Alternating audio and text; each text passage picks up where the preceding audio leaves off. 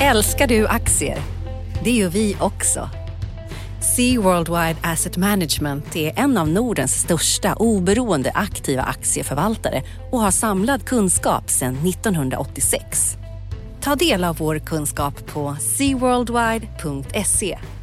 Bokstaven C worldwide.se.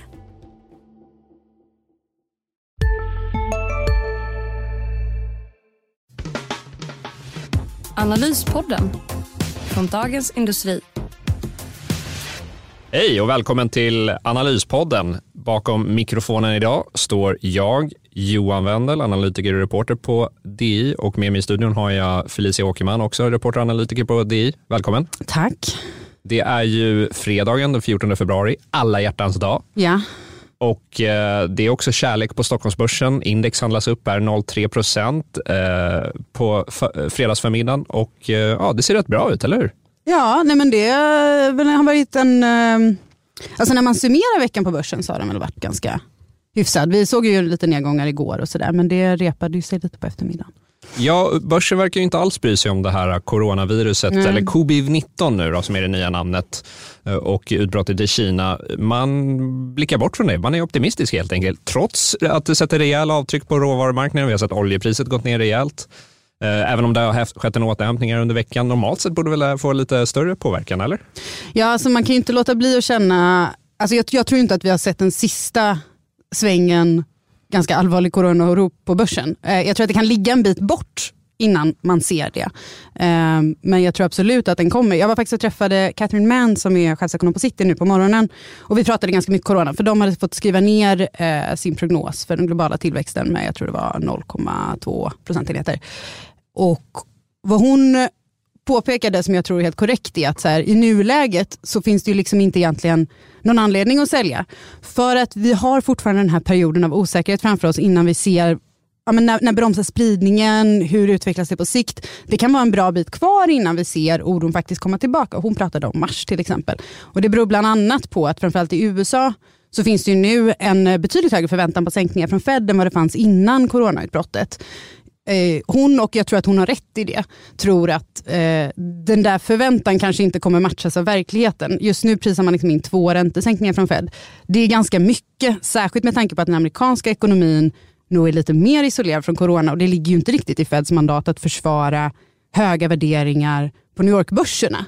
Liksom, vilket skulle vara anledningen till att man sänker räntan så pass aggressivt. Så, så här, en sänkning, ja det kan nog hända, men två, det blir nog lite mycket. Och när det där när den där förväntansbilden ska matchas upp med en verklighet från centralbanken, då kan det bli oroligt och stökigt igen. Och sen om det dessutom matchar med när vi faktiskt börjar få ja, men, riktiga indikatorer på att företagen känner av det här. När vi börjar få liksom, eh, först inköpschefsindex, sen faktiska siffror som visar påverkan.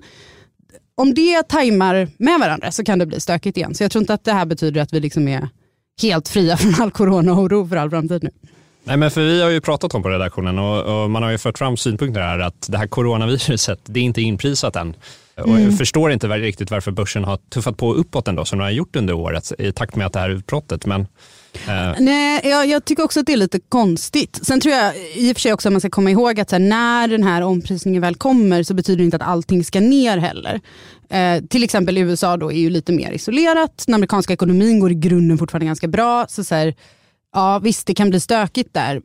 Men är det någon sorts fundamental omvärdering? Nej, kanske inte. Eh, det finns ju marknader i Asien som påverkas mycket, mycket mer. Alltså man får se det som typ tre bitar. Det ena är påverkan på tillverkningsindustrin. Där pratar vi om mycket av den europeiska exponeringen, Tyskland. Eh, som tenderar att, att ha den här V-formen. Det går ner snabbt och sen kommer det gå upp snabbt. För där har man förmågan att liksom, ja men, stoppa produktionen, beta ner sina lager. När allting väl kommer tillbaka så finns efterfrågan fortfarande där och då får man en snabb svung uppåt. Det är ju fortfarande någonstans huvudscenariot för det här. Sen har du effekten på tjänster och kanske framförallt turism och, och det är ju svårare för där har du inte den här typen av lager. Det är liksom förlorad efterfrågan som inte mm. kommer mm. tillbaka.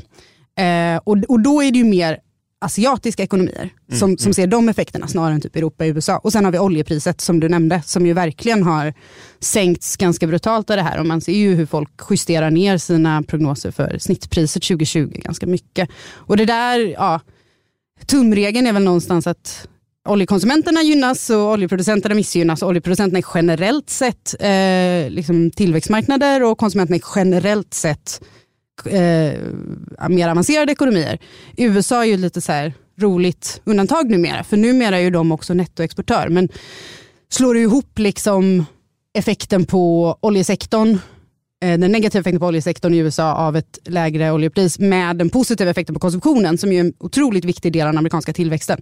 Ja, då tror jag inte att det är några så här, det är inte en fantastisk uppgång från det låga oljepriset men det är inte någon så här superpress neråt heller på grund av att oljesektorn går svagt. Den har ju dessutom redan gått svagt så den har inte varit en jättebra tillväxtmotor på ett tag. Liksom. Så att, ja, men så när, när omprisningen väl kommer så kommer vi se ganska olika effekter i olika regioner och i olika sektorer. Så, att så här, oron kan slå brett men den faktiska omprisningen kommer nog se ganska olika ut på olika håll. tror jag. Mm, mm. Ungefär så. Så det, det, är inget Lehman-scenario här vi står Det här utlöser någon sorts finansiell kris på något sätt? Alltså jag tror inte det, men jag vet liksom ingenting om sjukdomar. Så jag, det, det är klart att det finns något sorts superextremt eh, negativt scenario där det här är typ nya spanska sjukan. Liksom. Men de, de som vet mycket mer än jag om hur den här typen av sjukdomar sprids och dödlighet och sådär, verkar ju inte se ett spanska sjukan-scenario. Så att, nej, jag tror inte att det är någon Lehman-krasch direkt. Men det det är lite trist att det kommer med tanke på att decem i december, när vi stod och tittade på 2020, så såg det ändå liksom ljusare ut. Man, det var en tråkig timing med det här. Liksom. Ja, men absolut. Och eh, jag vet inte om vi ska gå vidare till bolag. Vi har haft mm. lite rapporter idag och om vi börjar med läkemedelsjätten till exempel AstraZeneca, så eh, de tar ju faktiskt upp coronaviruset här, eller eh, covid-19 som de kallar det då. Mm. Och vi hade ju, eller jag hade ju varnat lite inför här rapporten att coronaviruset skulle vara Eh, eventuellt en bov för AstraZeneca som de skulle vara tvungna att beröra i sin rapport. Och det gör de ju idag faktiskt här. Eh, de säger att den här guidningen som man kommer med för 2020 där man eh, guidar för low to mid-teens på då tillväxt för intäkter och lite högre för justerade vinst per aktie. Och jag är liksom ni frustrerad över de här engelska termerna, low to mid-teens. Eh, men det var vad vi har att jobba med. Men i alla fall, de eh, påpekar här att den här guidens antar en negativ påverkan från det här eh, coronavirusets utbrott de närmaste månaderna. Och deras CFO, Astras CFO, här var ju med i Börsmorgon nu på morgonen och intervjuades och pratade om hur man har tänkt kring det här coronaviruset och så vidare. Och det som han var, eh, tog upp som var den mest negativa faktorn var liksom transport. Det finns mm. inga lastbilschaufförer eller dylikt som kan transportera varor. Eh, han sa att de, var uppe på, de har två fabriker i Kina, de var uppe på 100% på den ena och 85% på den andra. Men eh, just med det här att det har varit en ledighet, folk har kommit tillbaka, folk kanske måste sitta i karantän och det finns liksom ingen arbetskraft som kan köra runt grejer att det var det stora problemet, tolkade jag det som. Mm. Pratar han någonting om tidshorisonter på det? Då? Liksom hur länge Pratar de om ett antal månader framöver mm. här. Uh, det sägs ju då, och, jag liksom dig Felicia, jag är ju inte heller någon epidemiolog, uh, så jag ska inte heller uttala mig mm. liksom, så mycket om sjukdomen, men det sägs ju då, det man har sett från experter är att uh, den här, en sån här epidemi avtar när det blir lite varmare ute, mm. som andra influenser.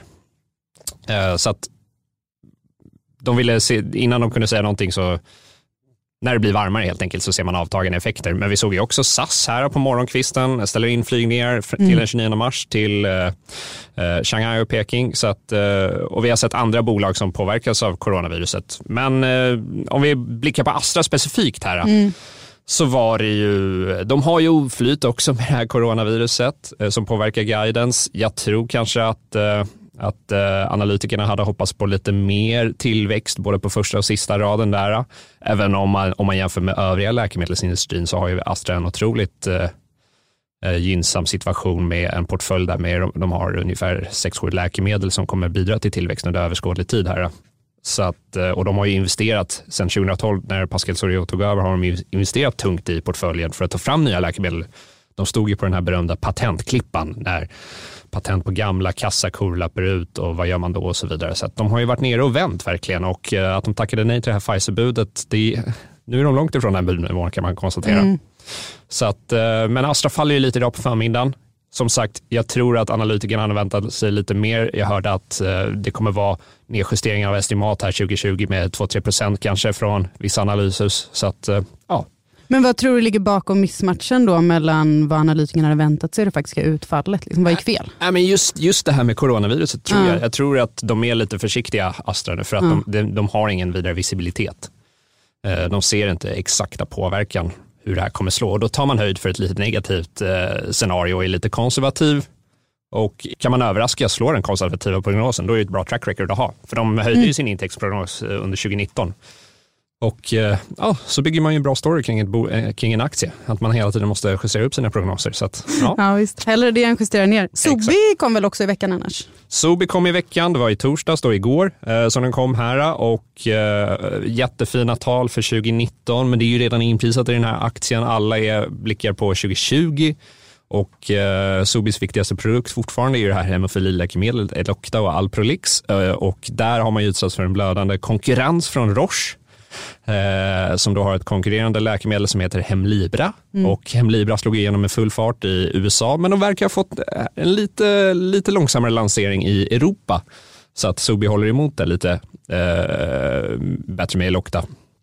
Eh, Men, men vdn var ju också, då, Guido Olkers var ju rätt håsig på det här konf-callet angående möjligheterna för de här förvärvade läkemedlen, Gamifant och Doptelet och sa liksom, det här är en straffspark att kunna eh, liksom, lansera de här läkemedlen. Så att aktien har gått väldigt bra, eh, eller väldigt bra. Den gick upp, den, den är upp idag på förmiddagen med 3-4-5 procent efter lite rekommendationshöjningar från analytiker. Så att de gillar vad de såg helt enkelt. Mm. Ska vi passa på att riva av? Det har ju varit lite mer rapporter inom just sektorerna som du eh, framförallt bevakar. Vi har haft mycket spel spelbolag, eller spel och dobbelbolag har jag noterat att du ofta kallar dem, för att skilja dem från liksom gamingbolagen antar jag. Ja, men jag tycker ändå, så här, och där, svenskan är lite eh, begränsande Ja. där, som det här mid to low teens och så vidare. Nej men absolut, jag har ju en lite baktung rapportperiod ofta. Men ja, spel och dobbel, verksamheterna eh, har ju kommit med rapporter där vi har haft Kambi, Evo, Betsson, Kindred, Leo under veckan här och eh, om kan bara dra operatörerna snabbt här så det var ju inte så oväntat att samtliga har ett eh, Vi är specialister på det vi gör, precis som du. Därför försäkrar vi på Swedea bara småföretag, som ditt. För oss är små företag alltid större än stora och vår företagsförsäkring anpassar sig helt efter firmans förutsättningar. Gå in på swedea.se företag och jämför själv. Just nu pågår vår stora season sale med fantastiska priser på möbler och inredning. Passa på att fynda till hemmets alla rum, inne som ute, senast den 6 maj. Gör dig redo för sommar. Välkommen till Mio. rätt trist. Q4, det är normalt sett det sta- starkaste kvartalet för dem. Eh, alla guidar för högre intäkter i Q1 under eh, hittills, eh, eller guidar, de, hittills i år har de högre intäkter i Q1. Man ska, de skriver alltid att man inte ska se det som en indikation för kvartalet. Men, eh, och det är ju Sverige som går fortsatt tungt, eh, även om man ser förbättringen där och eh, man är ju tydlig med att de här förbättringarna i Sverige det är för att mindre lönsamma konkurrenter slås ut och man tar över deras business. Däremot så det som är knepigt i Sverige är att den här kanaliseringen, då, då, anslutningsgraden till licenssystemet, den är fortsatt låg, alltså svenska spelare utanför licenssystemet där man kan få bonus, man undviker spelpaus och så vidare. Och eh, det ser ju tyvärr inte ut att ändra sig utan den, där, där ser man ingen förbättring. Där måste man ha myndighetshjälp på eh, olika sätt. Och det ser jag inte att det kommer ske under överskådlig tid. Liksom. Kanske att vi ser lite bättre signaler under 2020, en bit in i 2020, men vi får se. Men det är liksom inte guld och gröna skogar bara för att man nu får ganska lätta jämförelsetal eftersom man möter 2019 som ju måste ha varit ett superjobbigt år för hela Nej, branschen. nej, nej, jag tycker inte det är guld och gröna skogar, även om de har handlats upp lite på rapporterna här. Därför de har motvind på många andra europeiska marknader som Tyskland, eh, Holland, Storbritannien, där det också är kämpigt med myndigheterna. Så att eh, Kindred har ju sin USA-satsning, men den kommer inte generera någonting på sista raden under 2020, utan det är bara pengar ut. Eh, Men det är ju i alla fall ett tillväxtben, en lite positivare story kanske än att det är tufft med myndigheterna och så vidare. Jag tror att Leo, eh, den har ju gått starkt den aktien. De skrotade finansiella målen idag. Det var nog ingen som trodde på dem riktigt. Har inte gjort på ett tag. Kanske att de vill sälja det bolaget, men jag tror att de vill ha upp aktien en del innan de säljer. Men varför tror du, alltså, om det ändå är inte så himla bra utsikter för sektorn generellt, inte så himla roliga rapporter, varför handlas de upp nu? Är det bara att det är så Ja, nedtryckt? Det, det har varit rätt nedtryckt, alltså det är låga värderingar i den här sektorn. Och, eh, Så det ska man vara medveten om att det är inga, det är inga fantasivärderingar på operatörerna direkt. Eh, om, om, vi kan blicka på ett lysande undantag i sektorn då, så är det ju live-casino-leverantören Evolution Gaming. Mm som, eh, jag tror det var våra kollegor på live-desken där som konstaterade att eh, deras blackjack-bord, eller deras då, kasinobord och, och, så vidare är mer värt än SCA skogsinnehav, mm. eh, som är norra Europas största privata skogsinnehav. Eh, så att, ja, det var ju en milstolpe som de verkligen passerade där. Ja, visst. Annars, vi har ju varken du eller jag är ju någon gruvmänniska egentligen, men vi måste ju prata om Boliden. För den där aktien föll ju tungt igår ja. på sin rapport. Och nu är den ju upp lite. När jag kollade eh, strax innan vi gick in här så var den upp lite grann, men fortfarande typ ungefär 10 kronor lägre jämfört med innan rapportsläppet. Så en, fortfarande liksom en, en nedsänkt aktiekurs. Ja, men verkligen. Den har ju lite bäring på mak makro eftersom mm. man är så beroende av basmetallpriser till Just. exempel. Då, och de kommer inte med någon extra utdelning som analytikerna räknat med och eh, vd Mikael Staffas där sa ju till Maria Philips, vår kollega, som gjorde en superbra intervju med honom, att eh, den här marknaden kan vända ner när som helst, att de är klarar ett Lehman-scenario och så mm. vidare. Mm. Så det, det, känns ju inte så håsigt. Liksom, men... men... det är ju verkligen något man reagerar på. Jag faktiskt pratat med Maria nu på morgonen för att jag tyckte att det var så uppseendeväckande citat. Eh, jag tror intrycket både när jag pratade med henne och när man läste texten var väl att så här, han, han, vill, han vill egentligen bara försäkra marknaden om att så här, vi vet att vi är i en känslig bransch och där det är svårt att förutse när det vänder ner. Därför är det viktigt för oss att stå väl röstade hela tiden. Alltså inte då att de ser att marknaden kommer dö nu, nu är det kört. Liksom, utan mer, och, det, och det kan väl också förklara, det verkar ju fortfarande vara en viss förvirring kring den här extrautdelningen. Alltså, det, det, känns ju som att det finns någon sorts kommunikationsproblem mellan analytikerna och bolagen, bolaget i det här fallet. Att det, man stod så otroligt långt ifrån vad det faktiskt skulle bli. Och det är väl klart att man kan motivera att inte lämna en extrautdelning nu med, med just det att om man ser en, eh, en svagare marknad och man känner att mans, en skuldsättningsgrad liksom riskerar att bli för hög. Absolut, men, men det känns ju ändå konstigt att de stod så himla långt ifrån varandra. Tycker ja, jag. ja, det är lite uppseende. Det är sällan man ser det faktiskt. Eh, ja. Men det är alldeles uppenbart att det inte pågår någon analytikermassage i alla fall i bolagen. Nej, man, precis. Kan det, det, kan man ju uh, vara lite glad över, men man kan ju också tänka att så här, det ligger ju någonstans på bolagen att, att försöka se till att inte analytikerna är helt fel ute jämfört med... Alltså, så här, det, det, man undrar är väl liksom, hur mycket av det var en, ett kommunikationsproblem och hur mycket av det var att man bestämde sig ganska sent för att nej, vi är inte bekväma med att lämna någon extra utdelning nu. Det tycker jag är ett frågete frågetecken som kvarstår, liksom, även efter intervjuer och analytikerkonferenser och sådär. Det är nog något de får ja, fundera på inför kommande kvartal om man inte vill få de här starka reaktionerna ner som man fick igår, vilket jag förutsätter att Boliden helst inte Nej, man vill ju ha så lite rörelse, eller gärna uppåt kanske. Ja, äh, där kan det gärna få vara mycket, men ja. ja. den var lite spännande. Eh, sen måste vi tyvärr, höll jag på att säga, prata lite Riksbank. För vi fick ju ett räntebesked i veckan. Det är typ tråkigaste räntebeskedet jag tror att jag har bevakat i alla fall. Och det låter på de som har sysslat med det här mycket längre än mig som att det var det tråkigaste räntebeskedet de har bevakat också. Eh, men vi måste ju ändå någonstans nämna det. Eh, ingen förändring i räntebanan, ingen förändring i räntan, ligger kvar på 0% i princip hela prognosperioden efter, liksom, alldeles i slutet så ser man att den här räntebanan vänder upp pyttelite. Men det är så pass långt bort att det liksom inte ja, det är inte en så tydlig signal. Det är klart att de vill kunna visa att någon gång i framtiden kommer vi kunna höja räntan förbi 0% Vi ska inte ligga här för alltid. Men så här, ja, det får vi väl helt enkelt se typ 2022, eh, en bra bit i framtiden med andra ord. Och hur länge är det Ingves sitter kvar? Oj, ja det var en bra fråga. Uh, han fick väl femårig förlängning och det var... Är 20... det 2024 eller 2023 har jag för mig? Ja, det borde det vara.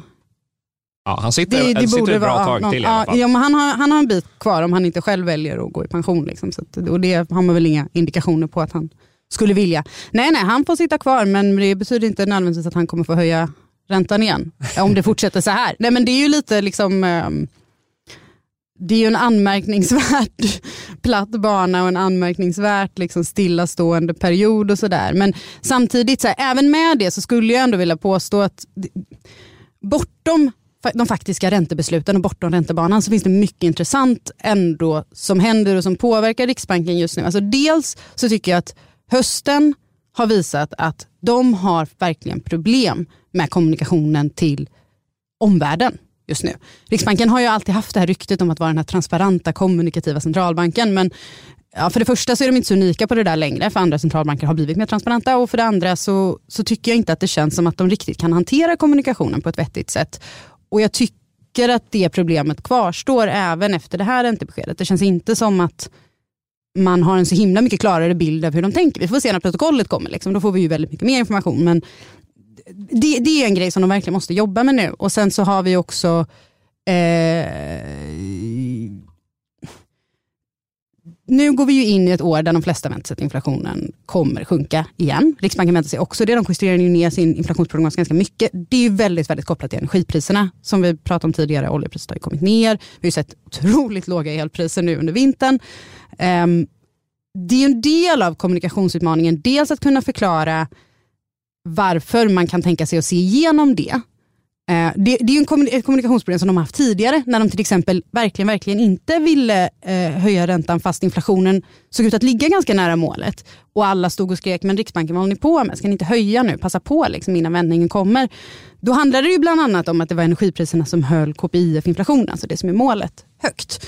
Eh, och det klarade man inte riktigt av att kommunicera på ett sätt så att marknaden var så övertygad och köpte den här linjen då heller. Nu är det i princip samma utmaning fast liksom åt andra hållet. Och sen också att det blir väldigt svårt med trovärdigheten om det visar sig att deras inflationsprognos fortfarande är för optimistisk. De pratar ju till exempel om att ja, men lönehöjningar ska bidra under andra halvåret. Vi ska se en högre inflation i euroområdet. Att gå in med de tongångarna som finns kring avtalsrörelsen just nu, gå in och tänka det är lönehöjningarna som ska rädda den svenska inflationen känns kanske lite naivt med tanke på hur det faktiskt låter från parterna, då framförallt från arbetsgivarsidan. Men liksom, och det påminner lite om, jag intervjuade Carolina Ekholm som satt i Riksbanksdirektionen här i veck, eh, häromveckan och den intervjun gick nu i tidningen i veckan. Och hon nämnde bland annat, för hon satt ju med och eh, ville sänka och fick reservera sig och kämpade liksom lite i motvind där. Och sen så precis ungefär när hon slutade så kom de här sänkningarna som ledde oss in i minusräntan så småningom. Och då pratade hon bland annat om att ja, men det var tongångarna inför avtalsrörelsen som liksom fick proppen att gå ur och gjorde att man sänkte väldigt drastiskt där 2014-2015.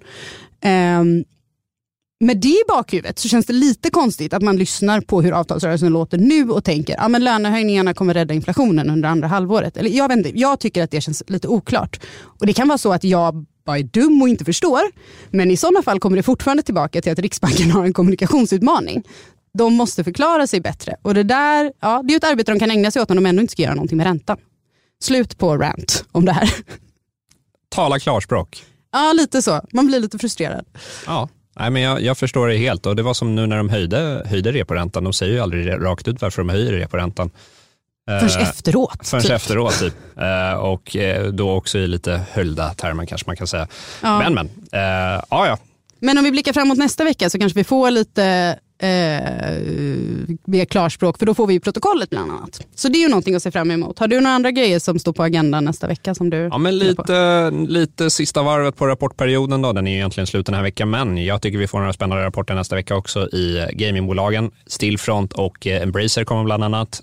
Kommer jag hålla ögonen på definitivt och Stillfront kommer med en stor affär här. Så att, eh, ja, mycket spännande ändå. Fortsätt mm. nästa vecka. Bra. Ja men då så. Eh, då är det väl bara att gå ut och fira alla hjärtans dag. Hur ska du fira? Jag ska lyssna på Astras konfkoll. Åh, vad romantiskt och härligt. Ja, själv då? Eh, jag ska försöka skriva en eh, lördagsfokus om problem i Europa. Vilket jag i och för sig tycker är väldigt härligt. Så det känns lagom nivå av romantik för mig.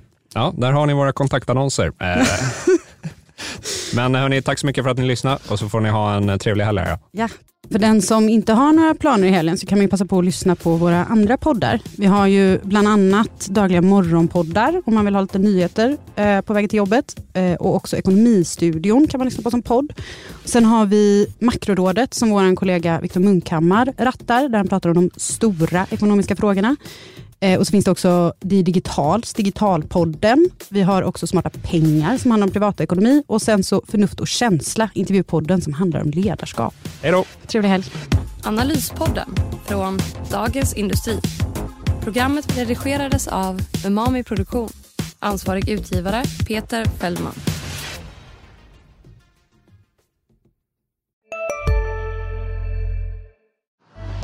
Älskar du aktier?